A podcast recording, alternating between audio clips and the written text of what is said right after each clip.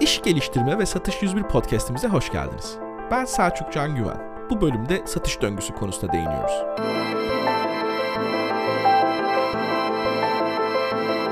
Satış döngüsü nedir? Eğer bu döngüye hakim olmazsanız şirketinizi nasıl batırır? Gelin kısaca inceleyelim.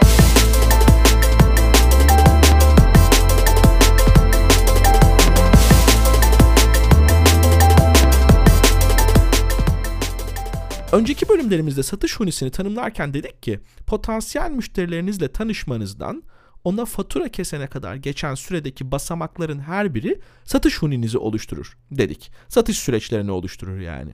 Potansiyel müşterinizle tanışmanızdan ona fatura kesene kadar geçen sürenin kendisi ise satış döngünüz. Yani müşteriniz satış huninizde ne kadar süre geçiriyor, ne kadar zaman orada kalıyor fatura kesilene kadar. Tahmin edersiniz bunun ideali az zaman geçirmesi. Yani hemen tanışayım, hemen satın alsın, bir an önce faturayı kesebileyim. Uzun olmaması daha ideal diye düşünüyoruz. Fakat her zaman olduğu gibi gerçek hayat öyle olmuyor. Sektöre göre değişkenlik gösteriyor, sattığınız ürüne göre değişkenlik gösteriyor, müşterinizin dünyasına göre değişkenlik gösteriyor. Örneklerle gidelim her zaman daha iyi anlaşılıyor. Mahallede işte fırın işletiyorsanız insanların ekmek tüketim süreleri sizin döngünüzü belirliyor. Yani günde 3 defa ekmek satma şansınız var aslında.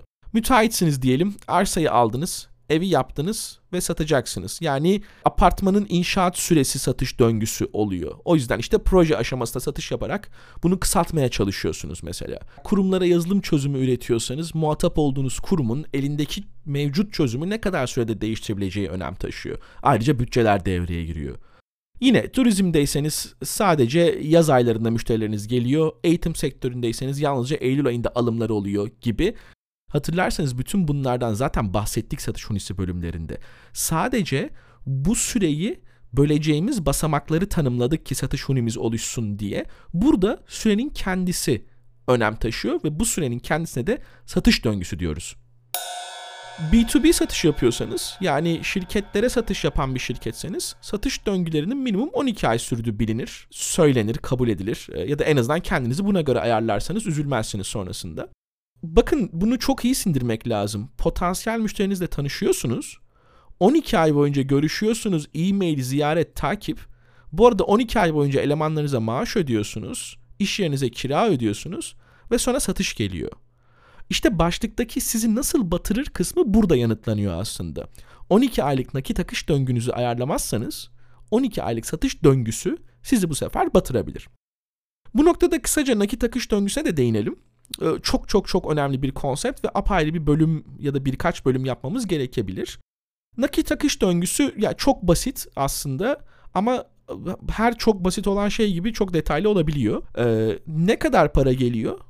Ne kadar para çıkıyor? Genelde çıkan paralara hakimiz ama gelen paralara hakim değiliz. Çıkan paraya hakimiz diyoruz ama gerçekten e, bu da ayrı bir e, takip ve beceri gerektiriyor. Benim bu konuda ilginç bir gözlemim var çıkan paraya hakim olmazsanız bu ister şirket olsun ister bir kişi olsun çıkan paraya giderlerinize hakim olmazsanız ne kadar geliriniz olduğunun pek bir önemi olmuyor. Yani devamlı çok para yakan ve kasasında para kalmadığı için palazlanamayan, güçlenemeyen, arge yapamayan, kadrosunu büyütemeyen bir formasyona geçiyorsunuz. İşte bu yüzden nakit akışı çok önemli. Apayrı bir bölümde bahsederiz. Nakit akışı temelinde artı eksi hesabı çok basit bir e, toplama çıkarma hesabı. Ne kadar para geliyor, ne kadar para çıkıyor. Bu sorunun ne kadar para geliyor kısmı da eşittir satış döngüleriniz. Yani müşterilerle tanışmışım.